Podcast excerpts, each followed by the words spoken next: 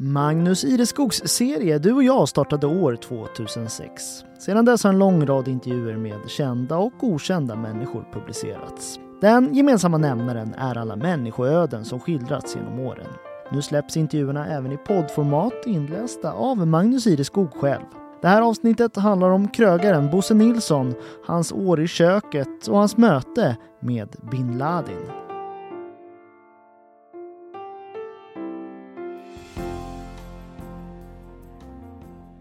Blodförgiftningen stoppade planerna på att jobba i Karibien.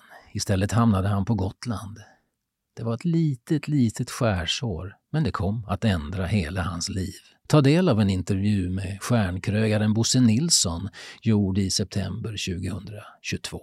Ja, lite hårdraget är det, men ändå ett rågat mått sanning. För han var verkligen på väg att jobba som kock på Bermuda. Det var 1979 och det unga livet lekte drygt 20 och inget fanns som begränsade.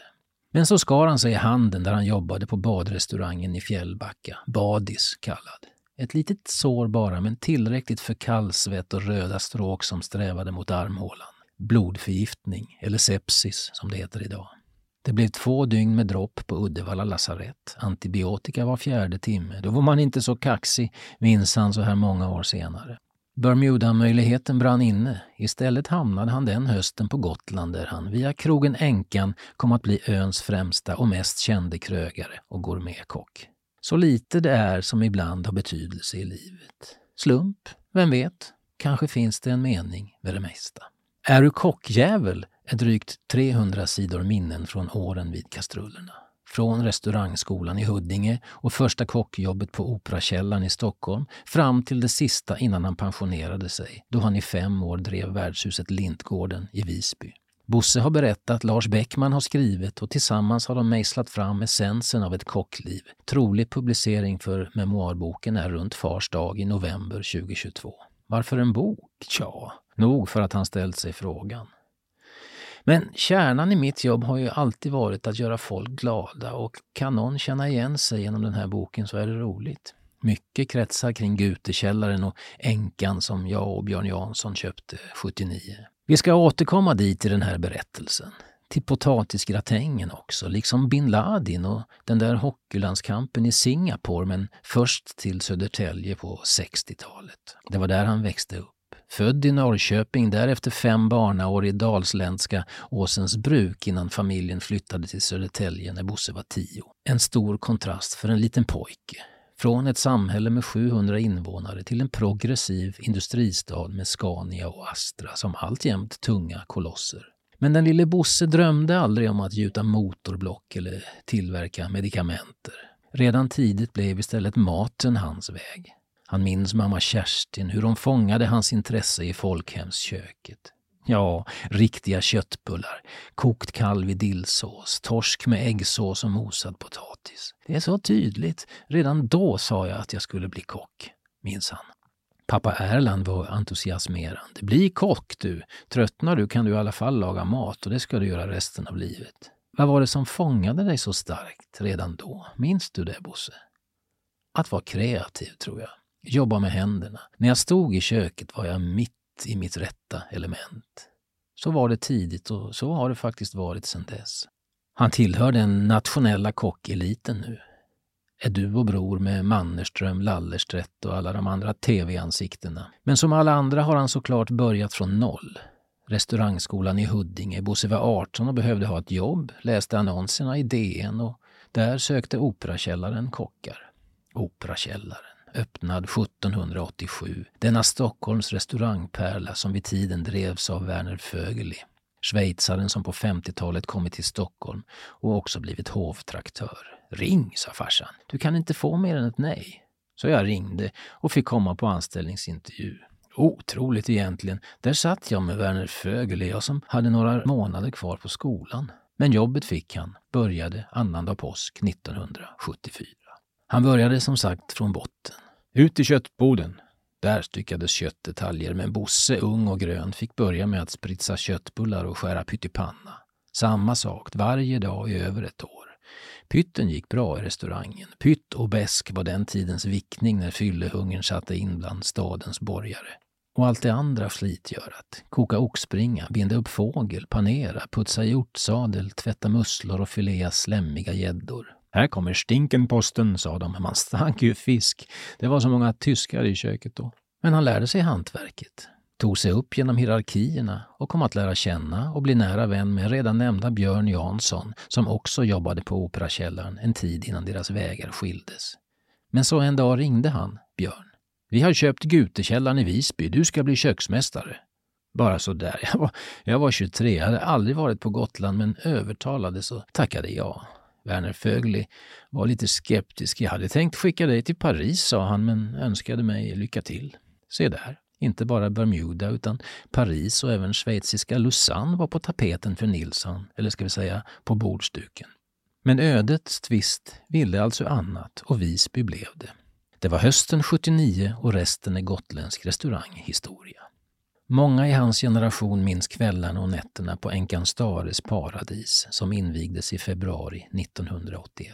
Där åts mat, dracks öl, lyssnades på musik och skakades rumpa. Dismaunda-Jordi har som husband spelat av många strängar på detta etablissemang. Vi blev kallade Gotlands Café Opera och det ligger faktiskt mycket i det, säger Bosse. Nämligen, 1980 öppnade nattklubben Café Opera vid Kungsträdgården i Stockholm, Sveriges första nattklubb i sitt slag. Borta var de strikta matsalarna med stillsam bakgrundsmusik. Istället blev restaurangäventyren något helt annat. Hög puls och modern mat. Ja, då kom en annan generation och förde in något nytt i branschen, minns Bosse. Vi hämtade många idéer från Café Opera. Det orangebruna försvann och vi inredde med persikorosa och duvblått. Det var de färgerna som var inne då. Expressen var här och gjorde reportage, Aftonbladet också. Visby höll på att etablera sig som sommarstad. Allan Edwalls son Mattias stod som vakt i dörren och kändisarna från Stockholm kom för att förlusta sig. Aje Philipsson, Noppe Levenhaupt och de andra kunde ses roa sig i vimlet. Och kanske också äta potatisgratäng. För så sägs det om Bosse Nilsson, att det var han som tog gratängen till Gotland. Ja, säger han, och det är väl det folk kommer minnas, känd för att ha tagit. Ja, men stämmer det? Stämmer det, Bosse? Ja, lite så är det kanske. Det var mycket pommes frites och stekt potatis på den tiden och gratängen blev en succé. Det var nytt för många, så lite sanning finns det alltid det där. Annat på menyn de åren var tequila flamberad tornedå med rosépeppar. För att inte tala om de hallonmarinerade räkorna. Ingenting var omöjligt. Fantasin var begränsningen och kreativiteten oändlig. Allting finns också sparat, ty en ekorre är han. Menyer, tidningsklipp, foton. Så det där om att allt har en mening. Kanske var det meningen att denna bok skulle göras. Från menyerna kan för övrigt noteras att rimmad lax och dillstuvad potatis på änkan kostade 45 kronor 1984. I nio år drev Bosse Nilsson och Björn Jansson, som lämnade jorden 2010, Gutekällaren och änkan. Bosse minns tiden med glädje och viss stolthet för den inledde verkligen en ny era på Gotland. Och en stor del av boken kretsar kring de åren. Mycket glädje och goda minnen. Men det var mycket slit också innan vi fick snurr på det. Konkursen var nära och jag hade just blivit pappa. Under den tiden gick han alltså från kockjävel till kändiskock. För det var som det förstnämnde han sågs under sina första år i yrket. Fast egentligen kallar han det ju inte yrke. Ett kall är mer sant. Ja, säger han, i Södertälje skulle man vara gjutare eller montör på Scania. Då var man någonting. Vad jobbar du som? Jag är kock. Är du sån där kockjävel? Då visste man sin plats.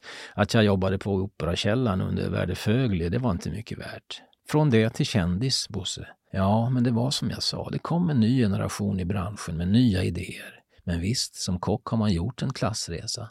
Genom åren har Bosse lagat mat på de mest renommerade restaurangerna i Visby. Snäck, Burmeister, Isolabella, Lindgården, men kanske främst Donners brunn som han drev i 23 år. Alltid i köket, vid spisen. Det är där han trivs. Ända sedan han lämnade Lindgården i december 2019 har han fortsatt att laga mat till andra. Catering till bröllop och födelsedagar. Han har startat sitt hemma hos mig-koncept där gästerna äter i hans och hustruns villakök. För kärleken till matlagningen, den har aldrig kokat torrt. Jag vill att mat ska ta tid och nu har jag tid. Jag sköter mathållningen hemma. Hustrun jobbar ännu och maten står på bordet när hon kommer hem. Det tröttnar jag aldrig på. Helst lagar han husmanskost. Säger att han hyser en viss oro för den svenska matkulturen. Husmanskosten är på väg bort. Bruna bönor byggde dåtidens kroppar, inte frityrflott. Och en gång, säger han, var Sverige världsberömt för sitt smörgåsbord. Swedish smörgåsbord. Var kan man äta det idag? Ett enda ställe som jag känner till, Grand Hotel i Stockholm. Jag frågade förut Bosse, men ställer frågan igen. Vad är det med maten som fångat dig så? Han dröjer med svaret, funderar en stund. Jag tror att det är att man har så många sinnen igång. Doften, smaken, synen, allt samverkar och att idéerna aldrig tar slut. Äter du skräpmat? Du, den frågan får jag ibland, men vad är skräpmat? För mig innebär det dåligt lagad mat. Lax som steks två timmar före servering och varmhålls i ugn, det är skräpmat. En hamburgare eller en enkel pyttipanna kan bli fantastisk om den lagas med kärlek. Nåväl, dags att återknyta till det som tidigare lovats i den här berättelsen. Som den där hockeymatchen i Singapore. För jo då, Nilsson har faktiskt spelat en landskamp. Det var när han låg i flottan och kockade sig runt de sju haven på HMS Älvsnabben. Ofta spelade vi fotboll. I varje hamn skulle man ju möta deras flotta. Som i Pakistan kommer jag ihåg 2000 pers på läktarna. Jag var lagkapten och satte avgörande målet. 2-1. Jo, 2-1 blev det. Vi fick en så här stor buckla. Men ishockeyn, jo, Electrolux Tigers stod för motståndet. Det var affischer på stan och fullsatt.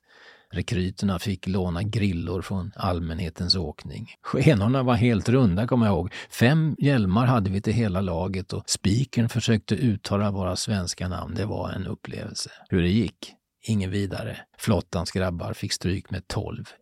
Och så då bin Ladin, som Bosse Nilsson umgicks med en hel vecka på Gotland. Champagne, middagar, flygturer med eget plan.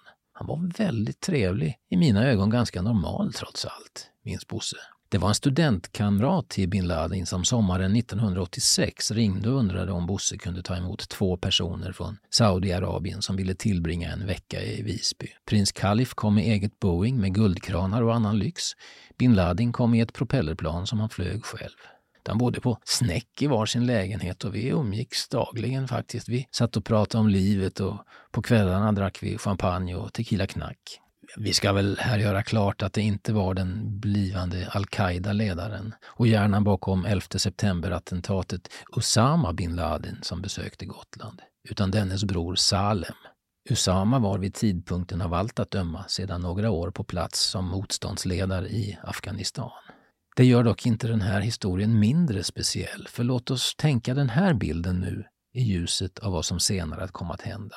Att denne Salem, bror till världens mest kände terroristledare, hyrde en vespa och flängde runt på Visbys gator iklädd en rosa träningsoverall. Bosse Nilsson säger att det är med råge de rikaste människor han umgåtts med. De hade plånboken i bältet, tjock som en tegelsten, bara 100 dollarsedlar, minns han. Ja, men då så. Då tar vi den här berättelsen ur ugnen genom att till sist be om ett riktigt bra recept på potatisgratäng. Berätta Bosse, hur gör man? Den ska gå sakta och fint som en sommarskymning i ugnen.